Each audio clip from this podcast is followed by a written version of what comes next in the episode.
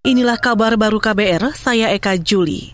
Saudara Kementerian Kesehatan mendorong petani tembakau beralih ke budidaya tanaman yang memiliki daya gizi serta nilai jual tinggi. Hal ini disampaikan Dirjen Pencegahan dan Pengendalian Penyakit di Kementerian Kesehatan Maxi Rain Rondonuvo saat peringatan Hari Tanpa Tembakau Sedunia 2023. Kata dia, jumlah perokok di Indonesia terus meningkat setiap tahun rokok presentasi pengeluaran rumah tangga miskin terbesar kedua sebanyak 11,9 persen. Di perkotaan dan di pedesaan sama 11,2 persen. Dibandingkan tentu dengan mereka ya untuk konsumsi makanan bergizi. Dengan mengurangi konsumsi produk tembakau dan memprioritaskan konsumsi makanan bergizi itu menjadi terobosan dalam meningkatkan kesejahteraan dan kesehatan masyarakat serta melindungi perekonomian petani. Dirjen Pencegahan dan Pengendalian Penyakit di Kementerian Kesehatan, Maxi Rain Rondonuwu juga menambahkan, pengeluaran keluarga untuk konsumsi rokok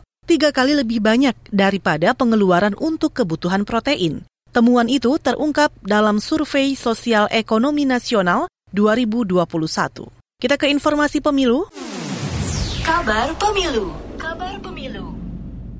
Partai Persatuan Pembangunan P3 akan mengajukan dua nama bakal calon wakil presiden. Pelaksana tugas Ketua Umum P3, Mardiono mengatakan dua nama itu akan diusulkan kepada PDIP untuk mendampingi Ganjar Pranowo maju di Pilpres 2024. Dikutip dari Antara, dua nama itu akan diumumkan setelah tercapai kesepakatan di lingkup internal P3. Kata dia, pembahasan bakal calon wakil presiden akan dilakukan setelah konsolidasi dengan masyarakat.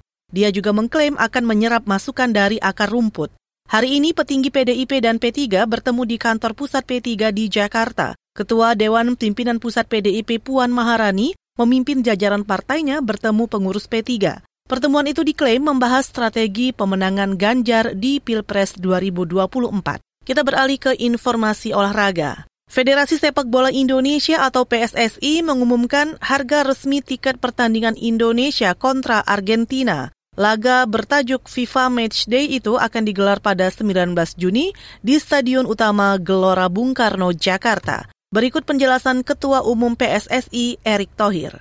Jadi tentu kita coba melayani masyarakat sepak bola dengan harga yang baik. Ini sudah termasuk pajak dan biaya servis. Untuk kategori 3 itu 600 ribu. Kategori 2 1,2 juta. Kategori 1 2,5 juta.